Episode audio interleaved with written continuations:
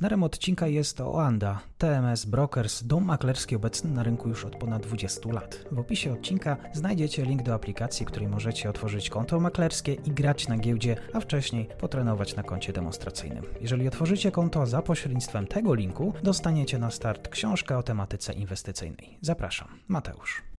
Dzień dobry Państwu, dzień dobry wszystkim słuchaczom. Wielka przyjemność, bo dzisiaj ze mną jest Jakub Bielamowicz z Instytutu Nowej Europy, analityk do spraw bałkańskich. Kto słucha długo, jest z nami dłużej niż ostatnie miesiące, ten wie, że Jakub komentował politykę bałkańską stale, ostatnio trochę mniej, niestety, na kanale Podróż bez paszportu. Jakubie, dzień dobry, kłaniam się nisko.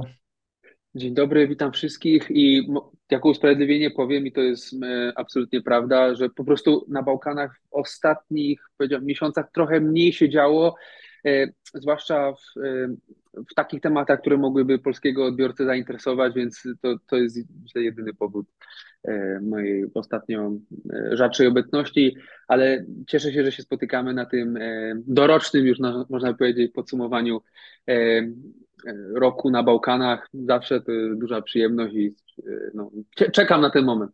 Wiem, że rok minie. Tak, cieszę się bardzo. Ja przyznam też, e, mój przyjaciel jest obecnie w Kosowie na misji i też e, często go wypytuję o sytuację właśnie w Kosowie, Serbii. Jest nadzwyczajnie spokojnie. Jak patrzę też na Bałkany, to nadzwyczajnie spokojnie. Oczywiście, gdybyśmy chcieli szukać e, tematów, ich nigdy by nie zabrakło, aczkolwiek no, problemy wewnętrzne, jak były, takie są, nic specjalnego, nihil nowi i tutaj się chciałbym zapytać właśnie o Serbię, która gdzieś tam przewijała się przez, e, ona zawsze powiedzmy o tak, zawsze Serbia dawała nam pretekst do tego, żeby rozmawiać, a tutaj no powiedzmy oprócz e, sztandarowych, standardowych napięć z Kosowem, e, prezydent Vucic nie daje nam pretekstów do rozmowy. Znaczy myślę tutaj, e, Mateusz, nie zniechęcajmy słuchaczy i naszych widzów, dlatego że e, o ile może te ostatnie tygodnie były takie trochę spokojniejsze, to ogólnie rok obfitował w różne e, kryzysy, takie, które przyciągały także uwagę mediów międzynarodowych i wywoływały reakcje polityczne na świecie, więc, więc tutaj pozwolę, się, pozwolę sobie nie zgodzić się tak całkiem na, z Tobą na początku. Ale jak już faktycznie wspomniałeś, y, ten główny temat, główny motyw tego roku na Bałkanach to oczywiście były napięcia pomiędzy Serbią i, i Kosowem, ale tutaj też bym zaznaczył, mam nadzieję, że w dalszej części przejdziemy także do krótkiego przynajmniej podsumowania tego, co się wewnętrznie działo w Serbii, dlatego że Kosowo, Serbia to oczywiście stały temat, zaraz, zaraz go podsumuję, ale wewnątrz samej Serbii mieliśmy tematy istotne, także do ostatnich dni, które się nawet dzieją także w dniu, w dniu naszego nagrania. Ale faktycznie zacznijmy, zacznijmy od Kosowa, dlatego że e, tutaj mieliśmy otwar tak naprawdę otwarciem roku było, e, była taka nieudolna dość próba e, zawiązania porozumienia o normalizacji stosunków pomiędzy Kosowem a Serbią, która była negocjowana, prowadzona pod auspicjami E, Unii Europejskiej, przy wsparciu Stanów Zjednoczonych. E, I tutaj mieliśmy do czynienia no, z taką, e, z taką trochę, trochę, trochę grą w ciuciu babkę, to znaczy poziom nieufności pomiędzy obiema stronami jest tak wysoki, że naprawdę ciężko jest doprowadzić do jakiegokolwiek zbliżenia, zobowiązania się przez strony do, do jakichś takich ustępstw wzajemnych. No dlatego mieliśmy wręcz takie desperackie próby e, wymuszenia na Kosowie i, i Serbii e, porozumienia z Ochrydy, e, które, znaczy tak naprawdę mieliśmy najpierw taką pierwszą część porozumienia z, z, z Brukseli, ono zostało zawarte pod koniec lutego. Ono się tak naprawdę szczególnie nie różniło od poprzednich porozumień, które już były zawierane, więc to no, pewne, pewnego rodzaju taka odnowa tych, tych zobowiązań dotyczących choćby nawet uznawania E, przez, e, przez Serbię e, dokumentów państwowych kosowskich. Serbia zgodnie z tym porozumieniem miała się zobowiązać do tego, że dopuści Kosowo do uczestnictwa w organizacjach międzynarodowych. Tutaj przede wszystkim chodzi o Radę Europy, do której stosunkowo najłatwiej Kosowu byłoby się dostać, ale także oczywiście szerzej do całego systemu organizacji agent międzynarodowych ONZ. Tutaj Kosowo z drugiej strony miało się zobowiązać do tego, że zrealizuje od dawna już wiszący w powietrzu postulat Serbii i kosowskich Serbów, żyjących głównie E, na północy Kosowa, ale nie tylko.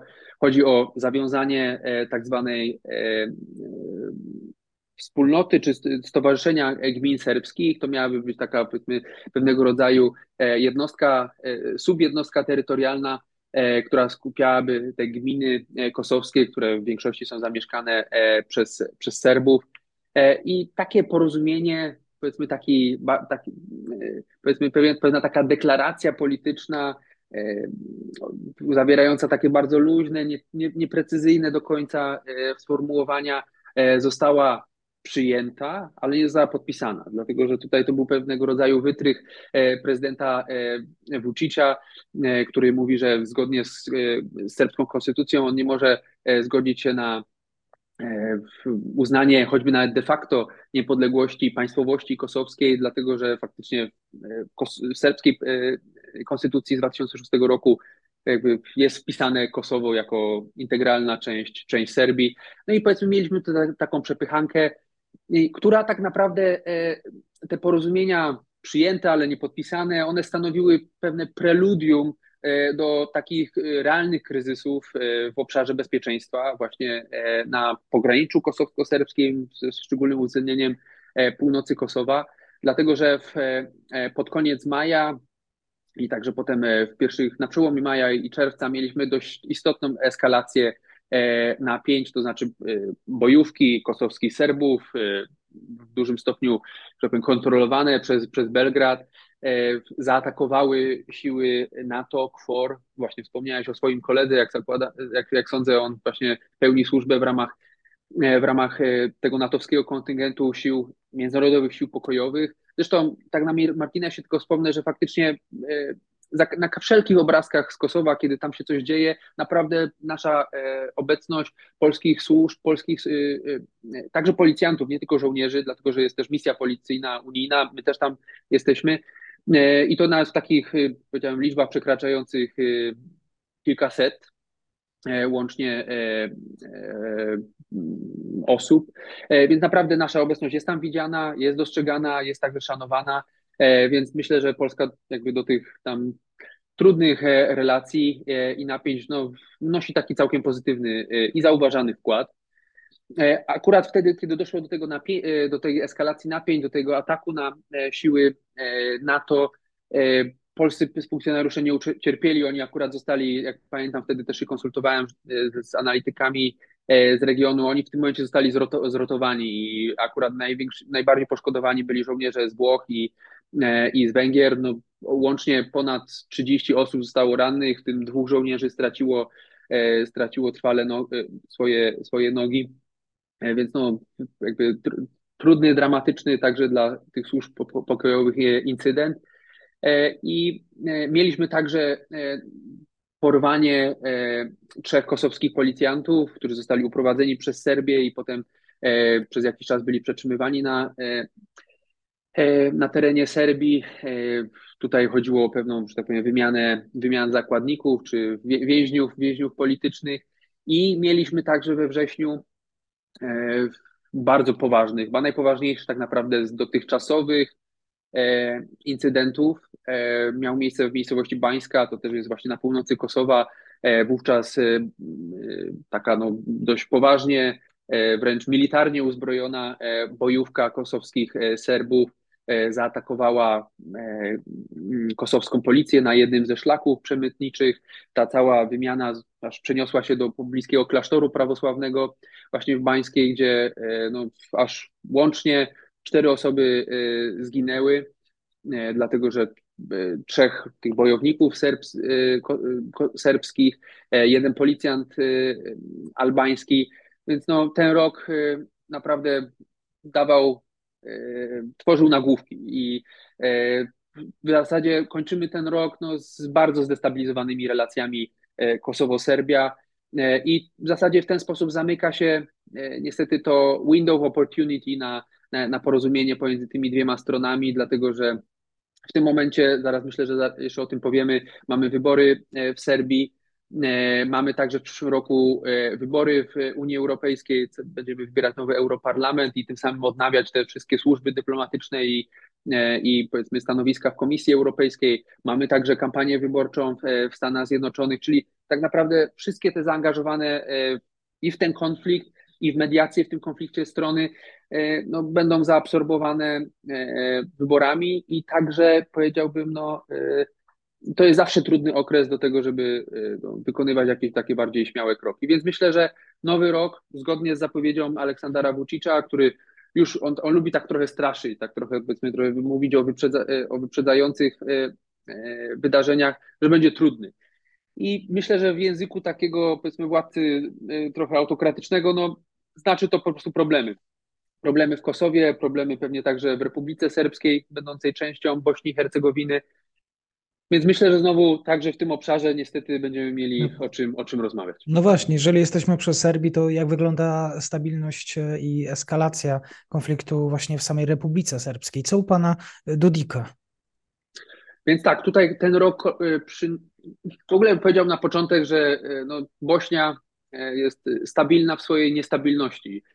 To znaczy, że jest to po prostu kraj permanentnego kryzysu, kryzysu wewnętrznego, który dodatkowo jest eskalowany przez, e, e, przez inne regionalne mocarstwa, można by powiedzieć, typu właśnie Serbię, typu Chorwację. Także powiedzmy swój udział w napięciach ma czasami, czy powiedzmy na sytuację próbuje wpływać także, także Turcja, wspierając na przykład bośniackich muzułmanów, czyli bośniaków. I tutaj mieliśmy od początku roku w zasadzie głośną, wyraźną retorykę E, separatystyczną e, Milorada Dodika. Przypomnę, że jest to e, przywódca bośniackich Serbów. Obecnie pełni on funkcję prezydenta Republiki Serbskiej, czyli tu dla jasności przypomnę, że jest to jedna z tych dwóch części składowych Bośni i Hercegowiny. To nie jest osobny byt wobec państwa, państwa serbskiego ze stolicą w Belgradzie. I tak naprawdę tutaj był dość, dość wyraźny konflikt pomiędzy E, pomiędzy e, właśnie Miloradem Dodikiem a e, wysokim przedstawicielem dla Bośni i Hercegowiny. Jest to taki, jest to taki urząd powołany na mocy porozumienia pokojowego z Dayton z 1995 roku, które z kolei zakończyło czteroletnią wojnę w Bośni. I jest to osoba, jest to funkcjonariusz, który właśnie w imieniu społeczności międzynarodowej, którą w tym przypadku, co ciekawe, tworzy też Polska. Polska też jest zaangażowana w tak zwaną e, Radę do Spraw Implementacji czy Wdrażania Pokoju, która, która sprawuje taką pieczę nad tym komisarzem.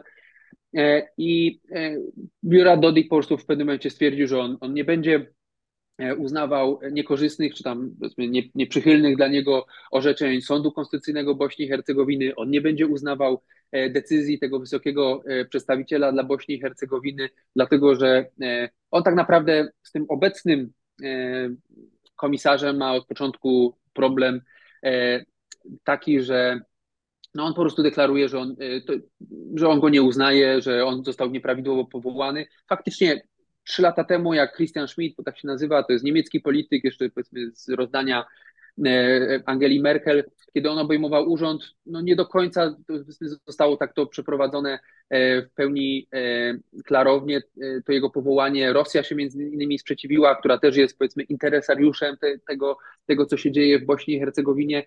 Więc dlatego ten jego mandat od początku był taki trochę niepewny. No i w tym momencie mamy tak naprawdę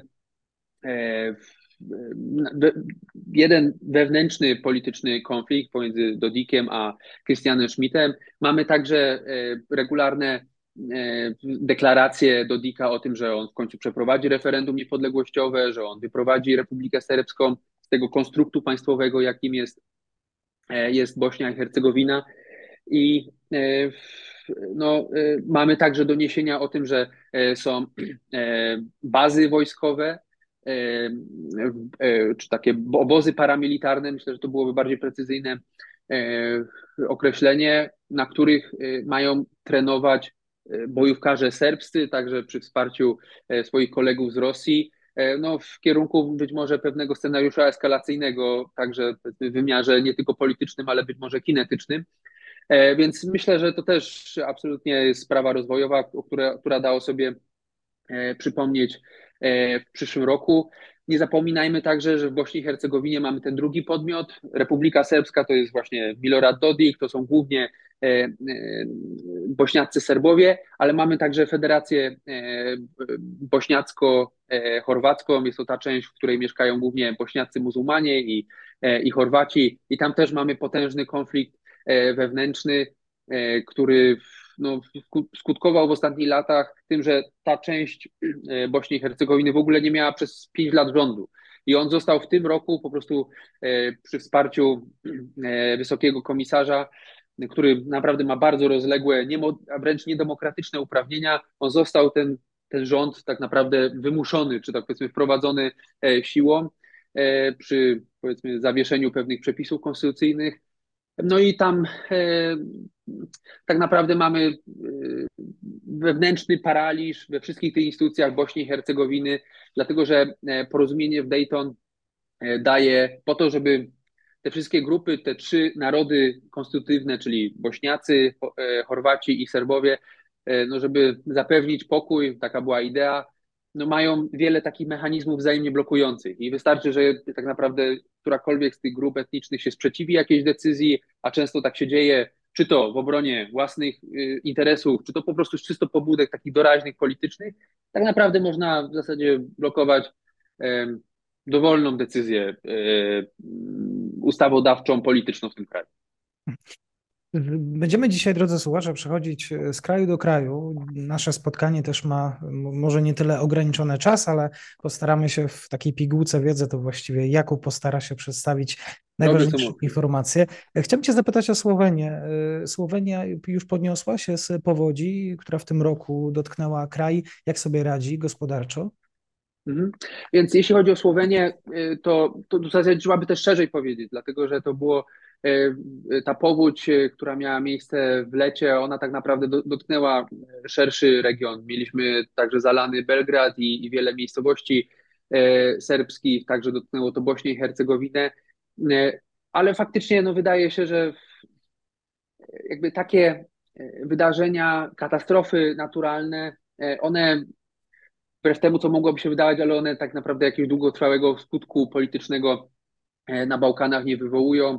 E, ani w takim powiedzmy najbardziej demokratycznym państwie regionu, czyli, czyli Słowenii, która zawsze uchodzi za ten taki powiedzmy, to była zresztą dawniej najbogatsza republika e, dawnej, e, dawnej Jugosławii i, i no, w związku z tym no, tak naprawdę ten, ten, ten kraj się obecnie spośród tych państw regionu naj, najlepiej, najszybciej rozwija. Ani właśnie w, w Serbii, gdzie też mieliśmy do czynienia z powodziami, gdzie tak naprawdę te powodzie są jeszcze, powiedziałbym, nawet bardziej dotkliwe, dlatego że w związku z tym, że Serbia jest y, ofiarą tak naprawdę pod, pod różnymi rządami, pod aktualnymi y, także jest ofiarą niegospodarności, także korupcji. E, w związku z tym na przykład y, wystarczy, że no jakiś taki intensywniejszy opad spadnie w Belgradzie i miasto jest pod wodą, prawda, i, i auta po ulicach zaczynają pływać, a nie jeździć. E, ale to ani w tym roku, ani jak sięgam pamięcią w, w poprzednich, bo mieliśmy także w, e, e, trzęsienia ziemi, to też warto pamiętać, że trzęsienia ziemi to, e, to, to także właśnie Bałkany, e, nie tylko te tradycyjne regiony, o których myślimy, czyli pewnie e, Włochy, Chile i, i tak dalej, ale właśnie mieliśmy trzęsienie ziemi w Albanii, nie dalej niż 4 lata temu. Mieliśmy także w 2020 roku trzęsienie ziemi w Chorwacji, jakby no, te państwa oczywiście z różnym skutkiem się odbudowują po tych katastrofach. E, w Chorwacji na przykład e, e, wciąż tematem politycznym bywa, bywają skutki tamtego trzęsienia, trzęsienia ziemi, część Zagrzebia została uszkodzona, ale to się nie przekłada w jakiś szczególny sposób na, na scenę polityczną. Mhm. To chciałbym Cię zapytać dalej o y, Bułgarię jeszcze. Być może to się nie umawialiśmy na to, aczkolwiek y, myślę, że słuchacze bardzo ciekawi ten prorosyjski czy antyrosyjski kurs. Wiem o tym, że Bułgaria miałaby nie importować z Rosji od marca. Co z rafinerią Lukoilu? Jak wygląda bułgarska dzisiaj scena polityczna pod kątem spojrzenia międzynarodowego? Więc słowem wstępu powiem tak, że Bułgaria, patrząc na, na, na region, to jest tak naprawdę w ostatnich latach najbardziej zdestabilizowany e, politycznie kraj, dlatego że to nie jestem w stanie sobie, powiem, nie znam przykładu innego kraju, w którym w ciągu pięciu przepraszam, w ciągu dwóch lat byłoby aż pięcio, pięciokrotnie wybierano parlament. To, to przyznam szczerze, że się z czymś takim nie spotkałem. Między kwietniem 2021 roku, a e, teraz wiosną tego roku wybierano aż pięciokrotnie parlament, dlatego że mamy do czynienia z, z, takim, z taką polaryzacją wewnętrzną, z, takim, e, z taką niechęcią pomiędzy stronami e, politycznymi w tym, w tym kraju, że no nie można było po prostu po żadnych z tych wyborach, po żadnych z tych, po żadnej z tych elekcji wybrać, wybrać rządu, który by no, przetrwał dłużej niż chwilę, albo w ogóle po prostu to był to okres pewnego bezkrólewia. Końcu tak naprawdę po tych piątych wyborach, które miały e, miejsce e, wiosną tego roku, no tak naprawdę już pod presją pewnie i opinii publicznej, także no już czując to zmęczenie tą niekończącą się kampanią wyborczą, także no przeciągającym się ciągle procesem wyborczym, w końcu dwie zwaśnione strony tak naprawdę, czyli z jednej strony partia GERB, taka centro-prawicowo, trochę populistyczna, E, Bojko Borisowa jest to, przypomnę, wieloletni e, premier, były wieloletni premier e, Bułgarii, któremu no, przypisuje się metody zarządzania państwem zbliżone do, do świata przestępczego. No, nie jest to też powiedzmy odosobniony przypadek, przypadek na Bałkanach, mimo że, mimo że nie lubię tak w ten sposób o tym mówić, ale no, powiązania pomiędzy światem przestępczym a polityką są, są, dość, są dość płynne. I e, więc z jednej strony Bojko Borisow, z drugiej strony e, taka partia bardziej, e, taki blok reformatorski, kontynuujemy zmiany, Demokratyczna Bułgaria, tutaj liderem, czy takim powiedzmy frontmanem jest Kirył Petkow, on przez chwilę w tym właśnie okresie niestabilności politycznej był też premierem. Te strony tak naprawdę zostały przymuszone do zawiązania takiej, coś co w polskich warunkach myślę, że też byłoby nie, niewyobrażalne, to znaczy koalicja pomiędzy na przykład PiSem a Platformą. To jest powiedzmy tego typu właśnie wielka koalicja wobec braku innych alternatyw w takim dość fragmentarycznym, poszatkowanym parlamencie e, została zawiązana. I co ciekawe, bo to też e, na przykład śmialiśmy się u początku e, tego nowego parlamentu teraz u nas, że mamy rotacyjnego marszałka, rotacyjnych ministrów i tak dalej. W Bułgarii, czy w, też w sąsiedniej Rumunii, także w Izraelu, to jakby to jest już w pewien sposób nawet utrwalona forma rządów, dzielenia się władzą, wobec właśnie braku możliwości wyłonienia jakby jednolitego, trwałego, takiego jednorodnego rządu. Więc e, to tak naprawdę e, to tam się dzieje. I tutaj w przypadku Bułgarii akurat zgodzono się na to, że przez od czerwca, czerwca tego roku mamy nowy rząd pod przywództwem Nikołaja Denkowa, no to powiedzmy to też nie jest frontman, tylko taki człowiek z drugiego, trzeciego szeregu, właśnie z tej części reformatorskiej e, tej koalicji i on po dziewięciu miesiącach ma się zrotować e, z obecną e, szefową dyplomacji bułgarskiej, Marią Gabriel, która właśnie jest z tej partii, partii drugiej, Bojko Borisowa, Gerbu. I zobaczymy, to jest właśnie duże pytanie stojące E, stojące przed, przed tą koalicją, e, czy w ogóle dojdzie, taki pierwszy test, czy w ogóle dojdzie e, zgodnie z umową koalicyjną do tej rotacji. No, powiem tak, no, to co łączyło tą, tą, tą koalicję, czy co było takim, bo to o to też pytałeś, co było takim spoiwem, to, to właśnie taka niby euroatlantycka orientacja. I to był w zasadzie, to była ta w zasadzie jedyna wspólna rzecz. Poza tym tak naprawdę E, ta koalicja, te partie się pod, pod innymi e, względami rząd, e, różnią, choćby nawet samym stylu rządzenia krajem. I no od, od czerwca no tą koalicją tak chybocze, powiedziałbym, trochę na prawo, na lewo, takie ma, są przeciążenia. Póki co ten rząd trwa, ale w zasadzie no, tak naprawdę jak się śledzi, co się dzieje w Bułgarii, no to w każdym momencie to się, to się może zakończyć.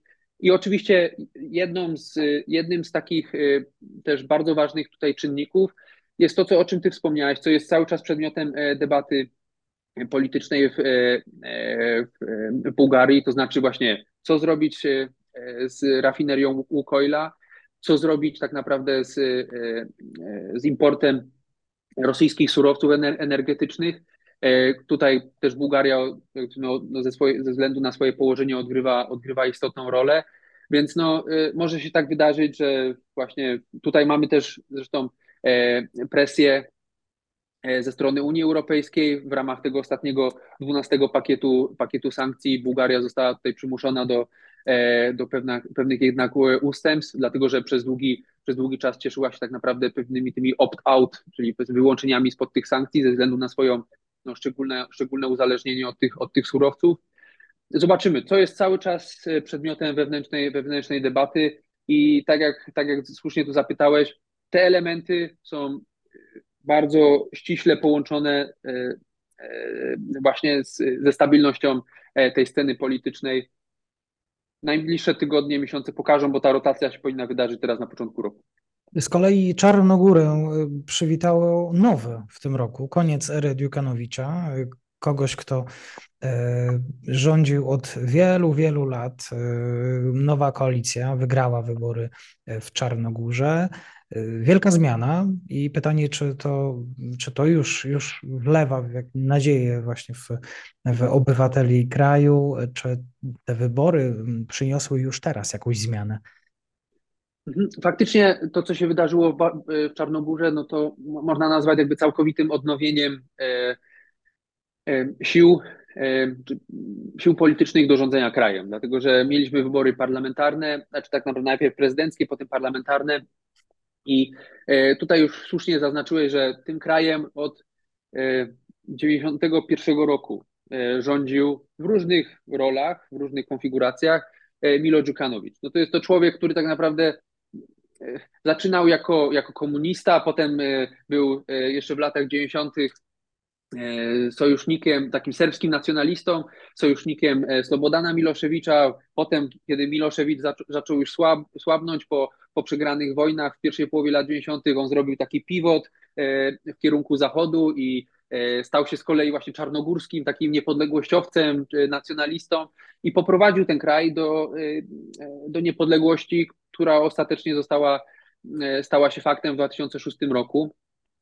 I od tamtego czasu no, rządzi tym krajem. Mówiło się, że może w pewien sposób z przesadą, dlatego że no, by, że, jest, że był to najdłużej urzędujący dyktator w Europie, dłużej niż Łukaszenka. No, oczywiście jeszcze daleko takich represji politycznych, jakie, jakie miały miejsce w, e, w, na, mają miejsce na Białorusi, no to na, na Czarnogórze nie ma mowy o tym, więc to oczywiście pewien styl rządzenia, taki trochę e, właśnie mocno scentralizowany, e, oparty o sieci klientelistyczne, o korupcję, o powiązania także ze światem przestępczym, służby, no to tak, to się wszystko zgadza. No i on to był człowiek, który zawsze właśnie, tak jak opowiadałem jego drogę teraz, no to zawsze potrafił wyczuć nowe, nowe wiatry. No i wydaje się, że w Czarnogórze w tym roku już y, y, no, był apetyt społeczny na zmianę po prostu po tych, po tych wszystkich latach. I faktycznie mamy, y, mamy dwóch nowych przywódców, mamy nowego prezydenta Jakowa Milatowicza, obaj bardzo młodzi, tacy powiedzmy profil bałkańskich pro, proeuropejskich e, e, reformatorów. To znaczy, e, na Bałkanach też mamy do czynienia z takim nurtem, który można by nazwać takim trochę prounijnym, pro, pro, pro, tak, proeuropejskim populizmem, taką agendą antykorupcyjną, to znaczy właśnie w związku z tym, że wielu tych wielu z tych regionalnych autokratów jest, no, rządzi przy wsparciu korupcji i i, i sieci klientelistycznych, e, które hamują te kraje w rozwoju, no to zawsze się pojawia taki e, w każdym z tych krajów jakiś reformator, który mówi tak, że teraz będziemy walczyć z korupcją, damy jakby szczególną, szczególną uwagę będziemy przywiązywać do integracji europejskiej. no i taki mamy, takich mamy teraz tutaj właśnie liderów, prezydenta Jakowa Mielatowicza, potem prezydentem, e, przepraszam, premierem nowego rządu, który też w bólach, ale się urodził, e, jest Milojko Spajić. Obaj bardzo mocno, że tak powiem, związani, związani z Belgradem. Zresztą nawet Milojko Spajić e, ma serbskie obywatelstwo. Mówiło, mówiło się o nim także, że ma E, de facto ma rezydencję czy zamieszkuje w, w Serbii, nie w, nie w Czarnogórze. No i tutaj są dość istotne obawy o to, że oni tak naprawdę tylko e, w swoich deklaracjach są takimi reformatorami pro, proeuropejskimi, a tak naprawdę no, e, są obawy o to, że Czarnogóra może znowu powrócić do, do statusu takiego serbskiego satelity, no, czyli państwa, ok, oczywiście mającego swoją niepodległość, to raczej nie podlega w obecnych realiach, e, nie ulega wątpliwości, ale no może być tak, że Belgrad będzie miał tu, rozwijał swoje, swoje wpływy po owocach i poznamy, więc to, to, to jest wszystko się wydarzyło jeszcze w tym roku, zobaczymy. Mhm. Z ostrożnością trzeba podchodzić na pewno do tego, co się tam dzieje. Na razie bez zmian w Rumunii, przynajmniej tak y, patrzę też na y, echa polityki międzynarodowej Rumunii, stały sojusznik, y, Polski również, Sojuszu Północnoatlantyckiego, współpraca ze Stanami Zjednoczonymi. Tu sprawa wygląda dosyć stabilnie, aczkolwiek w przyszłym roku będzie się też działo. Będzie się działo, dlatego że e, zgodnie e, z kalendarzem wyborczym powinny się tam zarówno odbyć wybory prezydenckie i wybory, wybory parlamentarne. Przypomnę tutaj, że Klaus Johannis e, to jest prezydent, który pełni swój urząd już no, dekadę, jak sądzę, który poprzednim razem tak naprawdę dostał reelekcję, uzyskał reelekcję, w tym roku już nie będzie kandydował i no tutaj powstaje duże pytanie o to, kto będzie jego następcą.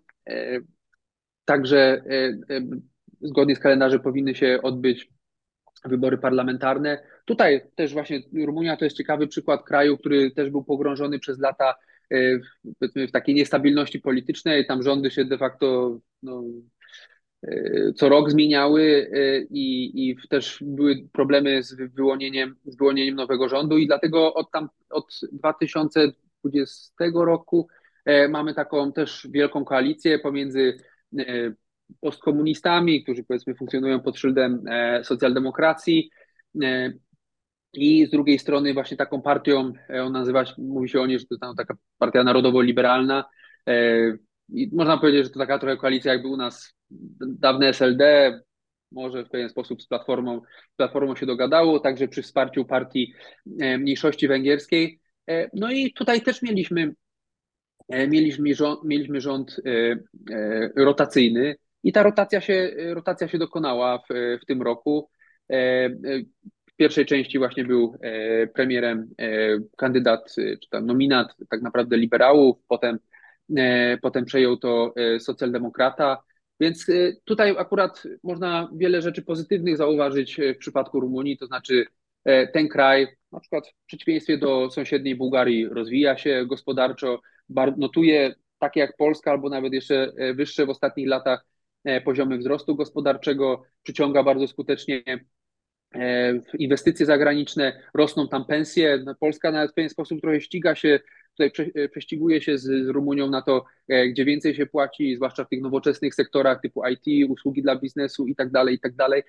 E, więc także jeżeli popatrzymy stricte na orientację geopolityczną Rumunii, no to jak najbardziej Polska powinna, ja uważam, że powinna w jeszcze większym stopniu rozwijać swoje relacje z, z Rumunią, budować taki pewien pewien sojusz państw właśnie E, transatlantyckich, bardzo takich proamerykańskich, e, pro-natowskich. E, to akurat właśnie w przeciwieństwie do Bułgarii, gdzie mamy ciągle to powiedzmy takie tarcie między, między siłami proeuropejskimi, a właśnie pseudo-proeuropejskimi, jeszcze bym powiedział prorosyjskimi, no to tutaj akurat orientacja geopolityczna tego kraju nie ulega, nie ulega wątpliwości. I co ciekawe, e, tutaj też Rumunia, e, może to jest trochę mniej dostrzegane to jest z perspektywy Polski, z perspektywy Warszawy, ale też odgrywa bardzo pozytywną rolę e, w konflikcie ukraińskim. Właśnie po napaści Rosji Rumunia przyjmuje, przyjmowała uchodźców, wspiera militarnie. No, jest, to, jest to naprawdę ważny i powinien być jeszcze ważniejszy dla nas sojusz.